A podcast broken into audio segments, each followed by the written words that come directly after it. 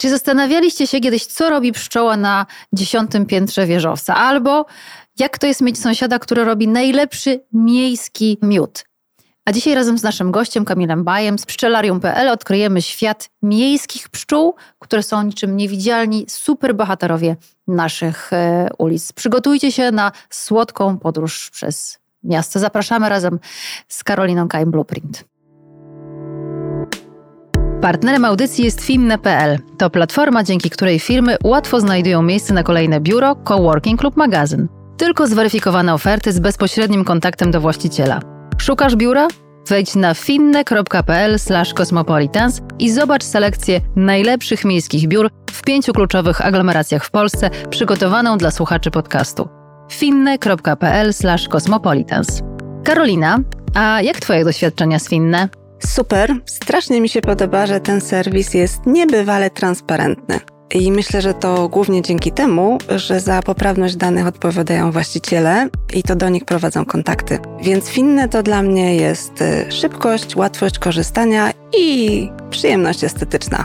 Samo szukanie sprawia frajdę.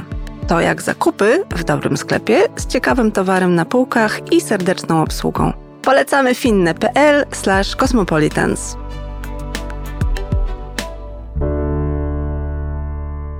Karolina Kain Blueprint, Natasza Kotarska i Kamil Baj z projektu Pszczelarium. Witamy serdecznie. Dzień, Dzień dobry. dobry. Co robią zimą pszczoły? To pytanie zadaje sobie wiele osób, ale wbrew potocznemu rozumieniu one wcale nie śpią. Pozostają aktywne, mm, zbijają się bliżej siebie, żeby utrzymać lepiej ciepło w środku, gdzie nierzadko no, jest 24-25 stopni, czasem więcej, no ale nie powinna tam temperatura w środku spadać poniżej 20, żeby się nie, po prostu nie przeziębiła matka pszczela. No i tak są w stanie wytrzymać największe mrozy, dotrwać do wiosny.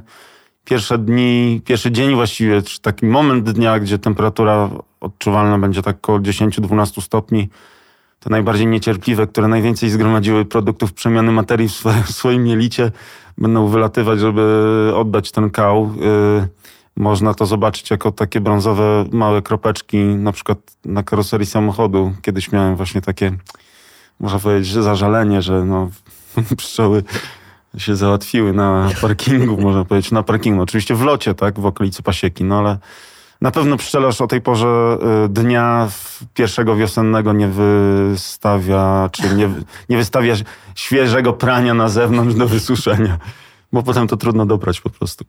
Zajmujesz się miejskimi pszczołami w dużej mierze. Czy pszczołom w mieście jest tak samo dobrze jak poza miastem?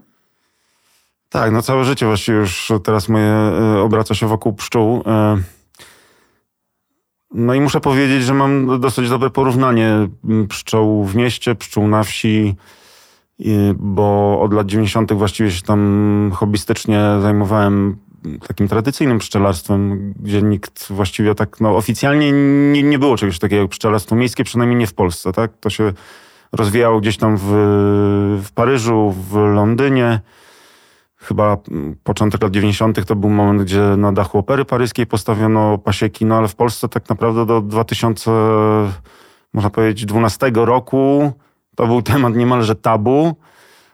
E, raczej pszczelarze się bali tego odbioru społecznego, e, ale ci, którzy wiedzieli, że pszczołą w mieście jest właśnie wbrew pozorom całkiem nieźle, no to bywało, że się ukrywali z tymi pasiekami w mieście, po prostu gdzieś tam bardziej na obrzeżach Znam przypadki, że wwożono pasieki do miasta na zbiór konkretnego miodu.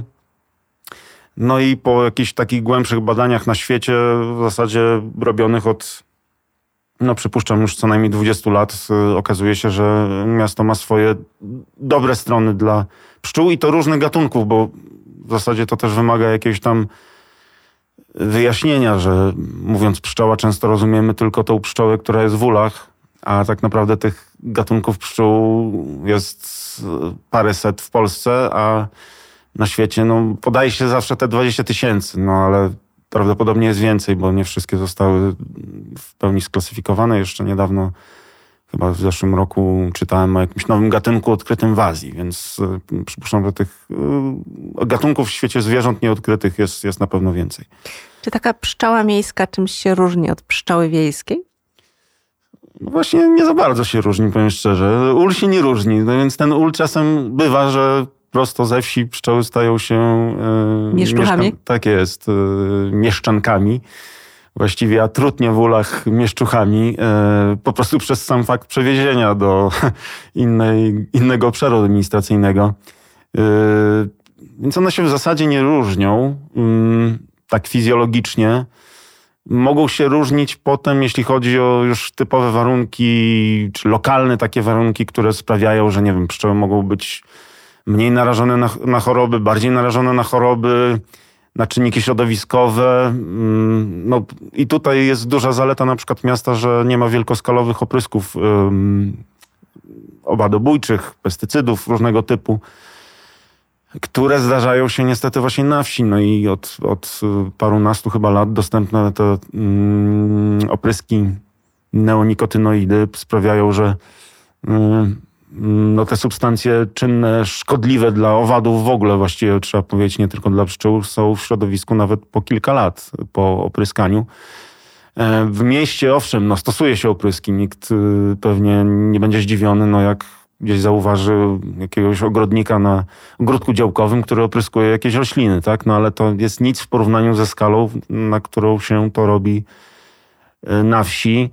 Jak się popełni błąd, no to opryska się kwitnące rośliny w trakcie tak zwanego oblotu pszczół, czyli w ciepły dzień. No i no, najczęściej się po prostu te pszczoły zabija na miejscu, tak? Bo często są owadobójcze opryski, a czasem nawet taka pszczoła, która nie zginie, próbując wejść do ula, nie zostanie do niego wpuszczona. Czyli można powiedzieć, że takim miejskim pszczołom czasem nawet jest fajniej, lepiej. No to taki trochę smutny paradoks według mnie, no bo no umówmy się, tak nie chcę deprecjonować miasta, ale miasta to jest powiedzmy kilka procent powierzchni naszego kraju, czy tam nawet tereny zurbanizowane powiedzmy, czy niekoniecznie muszą być administracyjne miastami. Problemy owadów to są problemy w ogóle świata zwierzęcego właściwie i tego, co się dzieje z naszym cywilizacyjnym, powiedzmy, przekształcaniem ziemi i terenów naturalnych. Więc to jakby no miasta tutaj w zasadzie niewiele zmienią. No tak, jest, jest to paradoks taki, że, że jest tutaj całkiem, całkiem nieźle i z punktu widzenia pszczół miodnych, czyli już takich typowych yy, pszczół, które zamieszkują ule, to można powiedzieć, że, że paradoksem jest to, że miasto dysponuje większą różnorodnością roślin niż często bywa e, poza miastem, bo no, poza miastem, powiedzmy teren typowy wiejski, to są często monokultury, tak? których obszary się zwiększają. Więc jak coś kwitnie na jakimś e, polu przez dwa tygodnie, no to nie będzie tam kwitło przez całą resztę sezonu lotów pszczół, czyli powiedzmy od marca do, do września. W mieście jest zawsze jakiś tam skwery, jakieś różnorodne drzewa, jakieś nasadzenia, jakieś ogródki działkowe, więc e, jest pewna stała e, dostępność pokarmu. I to widać po pszczołach, e, że one mają właśnie taki, taki dostęp przez większą część sezonu, bez jakichś takich istotnych momentów głodówek, które by się zdarzyły, gdyby pszczelarz na przykład nie zadbał o to, żeby zabrać pasiekę z miejsca, w którym stała ona wśród pól, pola przekwitły i coś trzeba z tymi pszczołami zrobić. No i mówi się o tym efekcie takim wyspy ciepła, że generalnie owady w miarę sobie cenią, że jest leciutko wyższa temperatura. Powinno to wpływać na zwiększenie aktywności, czy też wydłużenie w ogóle aktywności tych, tych owadów, chociaż oczywiście nie zawsze nie wszystkie pszczoły już na pewno, już mówiąc szerzej, będą to sobie ceniły, bo trzmiele niektóre są tak futerkowate, że one wolą chłodniejsze powiedzmy dni. Zresztą są do tego bardziej przystosowane, żeby zapylać yy, kwiaty w niższych temperaturach niż pszczoła miodna. Zapraszanie pszczół do miasta jest osadzone w takim przekazie, że generalnie my ludzie jesteśmy bardzo mocno, nasz dobrostan jest mocno związany właśnie z populacją i z dobrostanem y, owadów. Y, jak to jest podparte naukowo? Na czym to się opiera? Myślę, że nasza cywilizacja jest po prostu nierozerwalnie związana z pszczołami. A już na pewno od kiedy zostaliśmy się parę tysięcy lat temu rolnikami osiadłymi, no to już w ogóle, tak? Bo bez pszczół miodnych dzisiaj nie byłoby większości tych usług zapylania. Natomiast przyroda by sobie bez człowieka poradziła do, doskonale, więc to my zależymy od tych pszczół. Ym, naukowcy wyliczają, ile tam jest warte zapylenie globalnie. To są setki miliardów dolarów rocznie, prawda, w tych produktach, które powstają dzięki pszczołom, a warto na przykład podkreślić, że gdyby nie pszczoły miodne, to nie byłoby w ogóle prawie na rynku migdałów.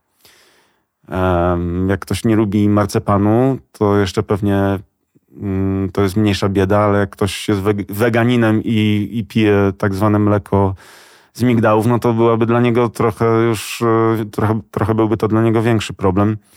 Więc jest generalnie dużo roślin powiązanych z zapylaniem owadów, w szczególności e, zapylaniem przez pszczoły. No i pszczoły też zależą od tego, co e, kwitnie dookoła, no bo bez dostępu do kwiatów nie mają one dostępu do pokarmu e, będącego albo nektarem, albo pyłkiem. Z kwiatów pszczoły zbierają zwykle dwie rzeczy naraz, czyli pyłek jako źródło białka i nektar jako źródło energii, węglowodanów, które pszczoły miodne akurat przerabiają na miód. I z tego miodu my głównie korzystamy jako, jako ich produktu flagowego. Czy, czy, czy populację pszczółowadów się jakoś mierzy ogólnoświatowo? Są statystyki na ten temat? Populację owadów stara się mierzyć. Nie są to niestety badania rozpowszechnione. One są dosyć łatwe, łatwe właściwie do wykonania, no bo można policzyć te owady, nawet można je prawda, sklasyfikować, nawet można je poważyć. I takie głośne dosyć badania były wykonane przez prawie 30 lat w Niemczech. One się zakończyły w 2017 roku, gdzie stwierdzono dosyć duży spadek, bo prawie o dwie, nie, ponad dwie trzecie nawet spadku biomasy owadów w ogóle w powietrzu. Tak? Tam niektórzy podważali, czy to dokładnie tyle. Pułapki były przez lata w tych samych miejscach, więc może owady się, że tak powiem, lokalnie mm, mogło mieć to wpływ na, na liczebność owadów. No mniejsza z tym. W każdym razie wiele badań stwierdza drastyczny spadek owadów. Część badań stwierdza po prostu spadek owadów. W Polsce niestety nie robi się na przykład takich badań, a już na pewno nie takich yy, długoterminowych i przekrojowych, więc ciężko powiedzieć, jak jest w Polsce. Natomiast takie wybiórcze badania na świecie pokazują, że spada yy, liczba owadów. Ile w tym jest yy, pszczół, to jest jeszcze trudniej powiedzieć, bo nie, tak jak mówię, nie wszystkie badania w ogóle biorą pod uwagę pszczoły, nie wszystkie badania biorą pod uwagę w ogóle gatunki. Czyli jeżeli chcemy dołożyć się do przyrostu naturalnego masy, biomasy owadów, to co należy A, zrobić? No właśnie. No, w tym komary są niestety, podejrzewam. No wszystko, co działa na korzyść owadów, pewnie będzie działało na korzyść pszczół też, e, prawda? No mając na uwadze to, że tak naprawdę źródłem problemu są te masowe zmiany globalne, no to w zasadzie teoretycznie największą tej rolą byłoby, najlepiej byłoby głosować po prostu na osoby, które doceniają yy, rolę ochrony środowiska naturalnego, bo to jakby będzie miało szansę najbardziej globalnie przyczynić do tego, żeby działać w tych miejscach, gdzie ten problem występuje. Natomiast wiadomo, że no, my w swojej własnej działalności, w swoim własnym życiu nie, nie mamy takiego najczęściej przełożenia, więc możemy sobie robić jakieś tam powiedzmy rzeczy, które będą miały znaczenie bardzo, bardzo lokalne. No i z tych rzeczy zawsze jest na pierwszym miejscu według mnie to dbanie o odpowiednią zieleń, bo co z tego, że gdzieś tam sobie postawimy ul czy domek dla owadów, jak będziemy mieli y, okolice, które nie jest dla tych owadów przyjazne. Czyli mając y, pod swoją kuratelą jakiś kawałek trawnika, możemy y, zaniedbać część tego trawnika, żeby stworzyć takie naturalne siedlisko, gdzie nie tylko będą owady y, czy pszczoły mogły znaleźć pokarm, ale generalnie będą mogły tam na przykład zazimować albo po prostu stworzyć jakieś swoje małe gniazdka. E, czyli to nie jest tylko pokarm, takie zaniedbane miejsce, to jest też miejsce do życia po prostu dla, dla owadów. Druga rzecz y, w ramach tego, tego działania to, to, to, są, to są specjalne nasadzenia, które też możemy robić. Wiadomo, że balkon, który jest pozbawiony kwitnących roślin, będzie zawsze gorszy niż balkon dla pszczół, niż balkon, który będzie miał donice na przykład, z, no dajmy na to z bazylią. E, to już będzie e, i dla nas korzyść, i dla owadów korzyść, dlatego że ta bazylia, nawet taka kupiona gdzieś tam w sklepie spożywczym, niekoniecznie musi być wysiana od zera, ale jak wsadzimy taką kupioną w spożywczaku doniczkę do, e, do donicy na balkonie, to jak damy, jak nie będziemy jej przycinać, to ona zakwitnie.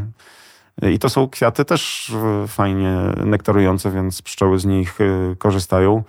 Więc wszędzie tam, gdzie pojawia się kwiat, tam już jest lepiej niż y, sytuacja bez kwiatów. Tak jest. I tam może pojawić się pszczoła.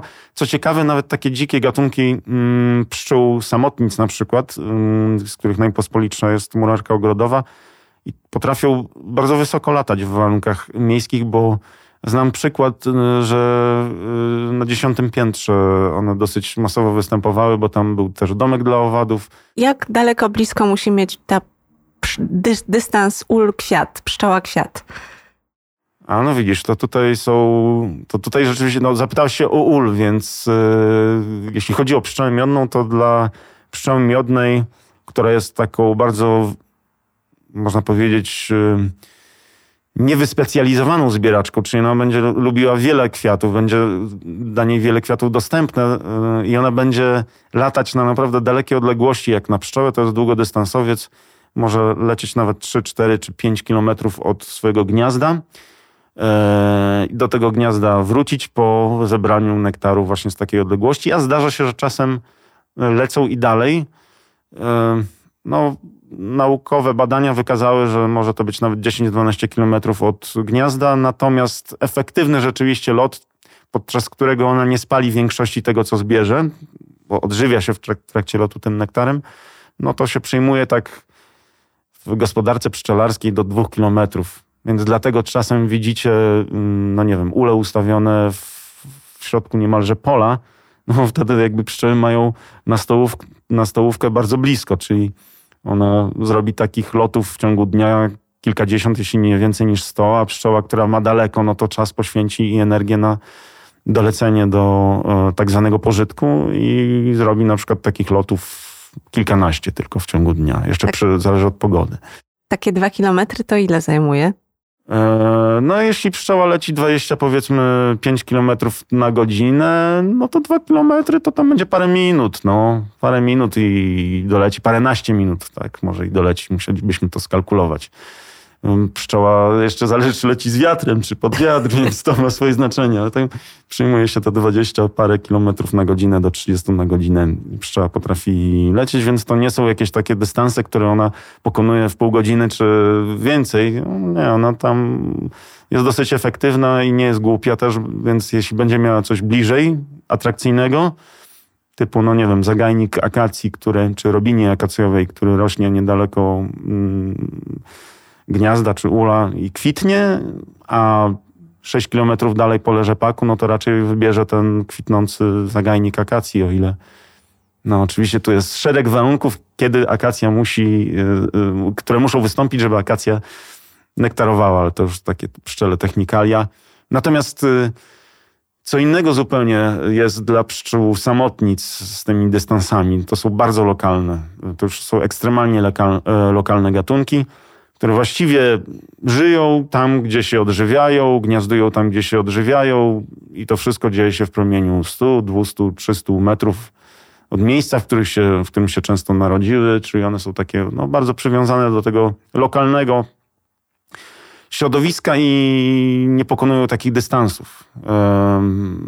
więc tym bardziej dla nich jest ważne, żeby tam była jakaś stołówka, jakaś różnorodność y, roślin, które kwitną przez y, większość sezonu, miejsce do gniazdowania, miejsce do zazimowania. Czyli takiego 15-minutowego miasta potrzebują. O, Trochę tak, takie jak ludzie, to prawda? Nawet jedni, minutowego miasta powiedziałbym. Tak, jedni potrzebują się daleko, dalekich podróży, żeby się nasycać, prawda? A, a są tacy, którzy niechętnie wychodzą z własnego podwórka. I pszczoły mają, widzę tak samo. Tak, no myślę, że dla pszczół to zawsze jest. Im bliżej, tym lepiej. No, chyba dla nas też właściwie. No. Chociaż czasem egzotyczne podróże są zdecydowanie wskazane, odświeżające i kształcące. Wy w swoim pszczelarium jak gdyby Wy w swoim pszczelarium zapszczelacie, yy, tak? Zapszczelacie miasta. Czy Warszawa już jest zapszczelona, czy to jest jeszcze przed nami?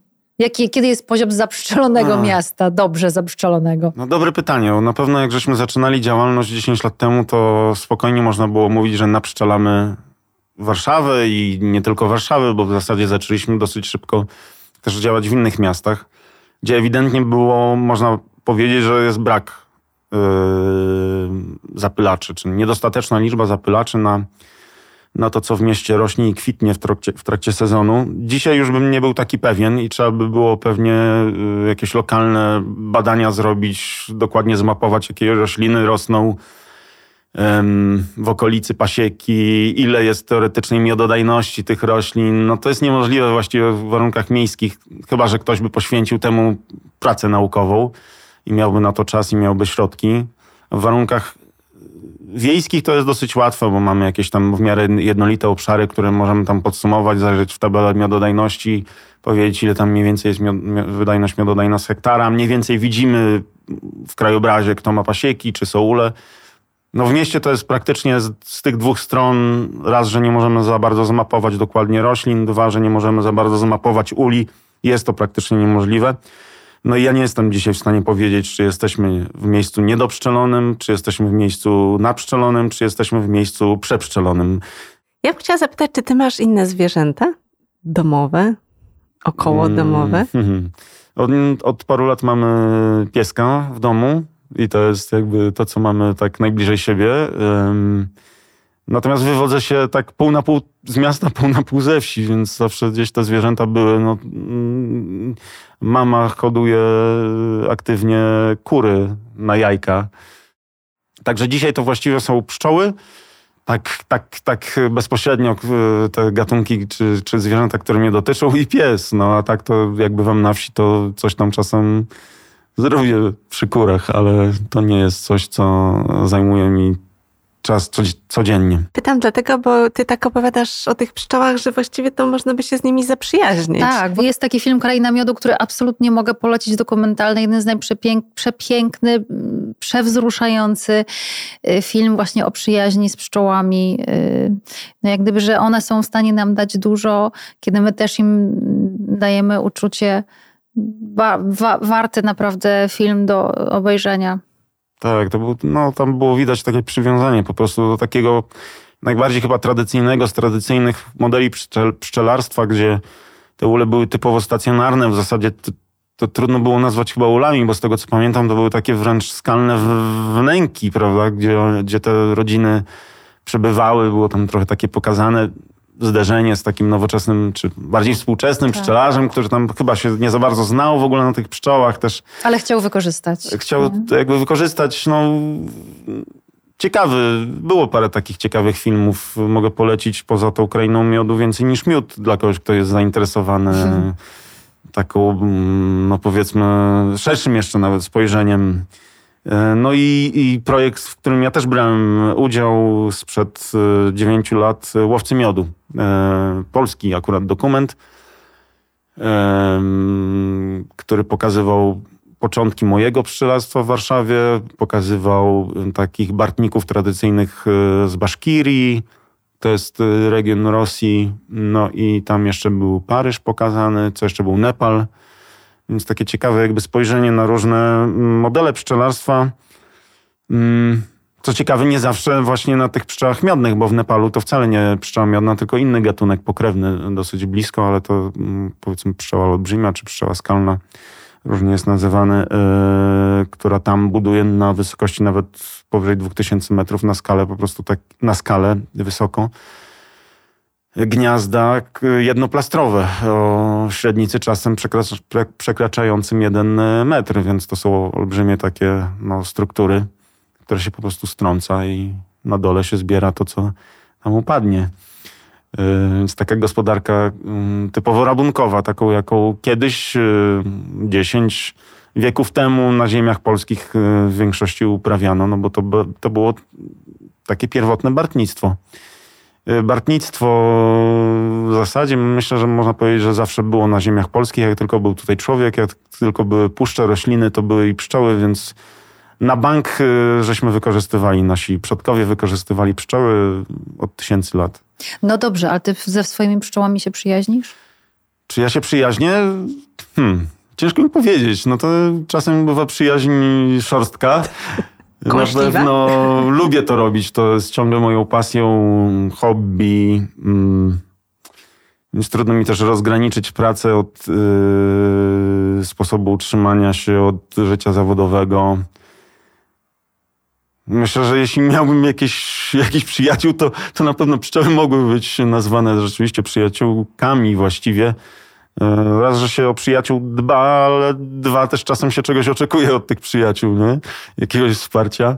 E, traktuje się uczciwie, więc myślę, że to można powiedzieć, że jest to traktowanie uczciwe, jest bliskość właściwie, można powiedzieć, jest szacunek, jest, e, no, jest to dla mnie w ogóle przyjemna sprawa, także mam nadzieję, no, że to odczucie, że to jest pasja mi nie zniknie nigdy no po prostu lubię to robić.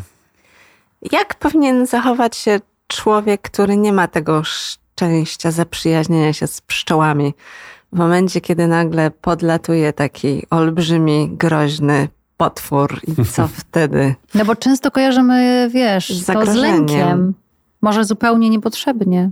Lęk czy strach czasem jest bardzo racjonalny, powiedziałbym, więc to, że boimy się owadów, to nie wzięło się znikąd, tak? No, jakby nie było, no kiedyś um, w pierwotnej puszczy urządlenie um, pszczoły czy innego owada, bo to niekoniecznie musiała być pszczoła, to mogła być na przykład osa, mogło się źle skończyć, tym bardziej jak nie było leków e, przeciwuczuleniowych, a już tym bardziej karetki, którą można było wezwać, więc to jakby strach jest jakby zupełnie racjonalny, więc ci, którzy nie mają do czynienia z pszczołami, jak zachowają odległość od pasieki mm, i nie będą wchodzić bezpośrednio przy ule, no to przy, przed ule, to zrobią dobrą rzecz, tak, dla siebie.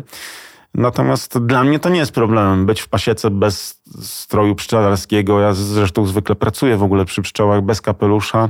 W stroju, można powiedzieć, cywilnym. Nie wyglądam jak pszczelarz. Yy, no w zasadzie dlatego, że dla mnie to jest test na to, czy ja mam łagodne pszczoły, czy nie. No, Okej, okay, mówiliśmy o tych pszczołach przyjaciółkach, ale niestety no, do zarządzania nastrojem w ulu czasem potrzebna jest likwidacja, czyli zabicie matki, mówiąc zupełnie w skrócie, tak? Bo matka pszczela nadaje często charakter ryjowi, więc jak ja nie mogę pracować y, przy pszczołach jeden, drugi, trzeci raz bez pszczelarskiego stroju, a, a w mieście nie mogę sobie na to pozwolić, żeby pszczoły były agresywne, no bo nie chcę, żeby pszczoły ganiały techników e, na dachu, prawda, gdzie stoi pasieka, żeby ich tam przeganiały, więc ja muszę szczególnie dbać o tą łagodność.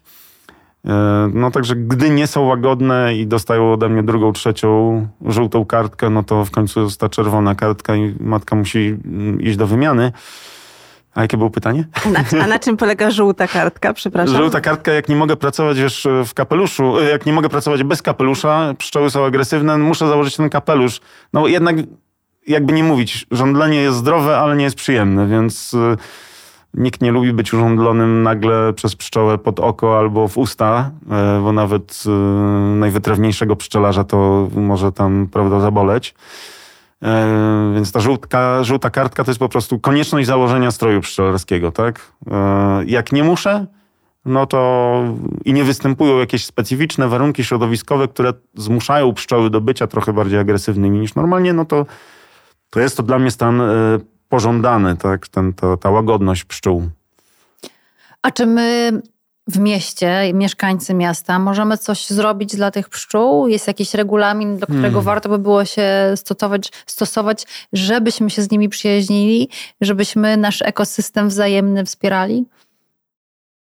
Myślę, że tak. No w, mieście, w mieście na pewno możemy zrobić y, te rzeczy związane z zazielenianiem swojego, swojej okolicy.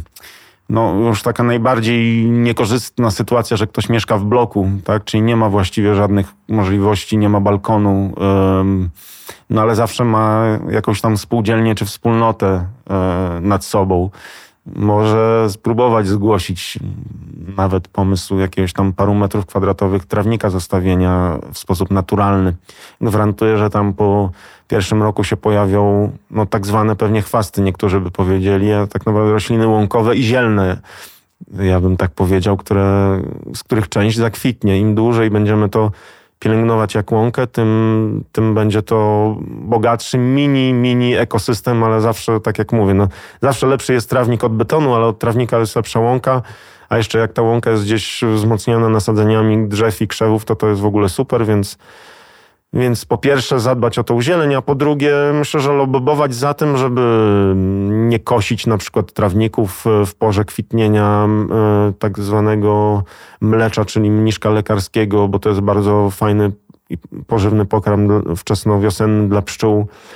E, można e, w końcu stawiać te małe domki dla owadów, Chociaż no, tak naprawdę jak są te owady w okolicy, mm, pszczoły, no, głównie chodzi o pszczoły samotnice, to to znaczy, że one, one gdzieś tam już i tak gniazdują, choć możemy zwiększyć tą pulę, tą szansę, żeby one gdzieś tam zagniazdowały, ale no, zieleń jest dla, według mnie najbardziej kluczowa z kluczowych rzeczy, które my możemy zrobić, tak, w swoim własnym zakresie, więc im więcej ktoś ma sprawczości, im więcej im większym terenem zarządza, tym, tym więcej możesz działać, że tak powiem. A kto jest dla ciebie w mieście takim partnerem do zapszczelania miasta?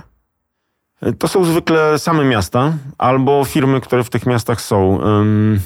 Nie są to niestety zwykle osoby prywatne, w sensie nie stawiamy pasiek e, gdzieś tam u osób prywatnych e, z jednego prozaicznego względu. Po prostu obsługa takich pasiek jest kilka razy droższa niż obsługa pasiek e, na wsi, więc ja nie byłbym w stanie być konkurencyjny no, dla kogoś, kto myśli w kategoriach ceny kilograma miodu, nie? Czyli ja, nie, ja będę zawsze droższy niż e, w przeliczeniu na, na kilogram wyprodukowanego miodu niż pszczelarz tradycyjny. Więc to są zwykle mm, miasta, którym zależy na jakiejś działalności edukacyjnej, na jakimś zakresie działalności edukacyjnej, pokazania nie tylko pszczelarstwa, czy przybliżenia takiego współczesnego rolnictwa dzieciakom, mm, co też się dzieje na przykład gdzie niegdzie można, prawda, jakieś tam stado owiec zaobserwować albo udać się do mini farmy y, miejskiej, która produkuje jakąś roślinność. Ale to są też y, działania takie warsztatowe, na przykład robienie świeczek, y, czy w ogóle uczenie się o innych zapylaczach też, takie warsztaty też prowadzimy, więc działalność taka edukacyjno-uświadamiająca.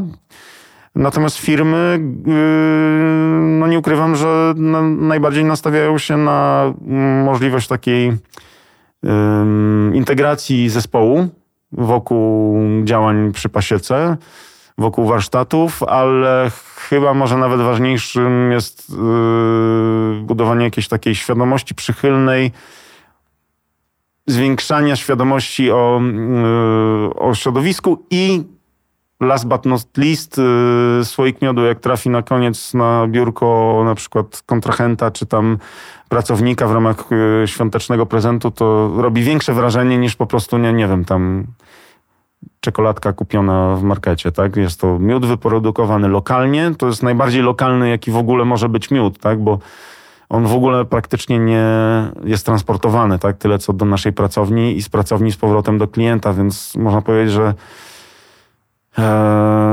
promujemy coś takiego, jak e, staje się coraz ważniejsze, czyli lokalne takie rolnictwo, żeby nie, produkty nie były transportowane przez pół świata, e, no, powodując dodatkowe emisje. Jeśli ktoś może kupić miód, który jest wyprodukowany w Polsce, to jest zawsze lepiej z tego punktu widzenia niż miód wyprodukowany w Azji. A już jeśli w ogóle może kupić miód, który jest wyprodukowany na jego własnym dachu, no to już bardziej lokalnie, bardziej lokalnie się, się nie da.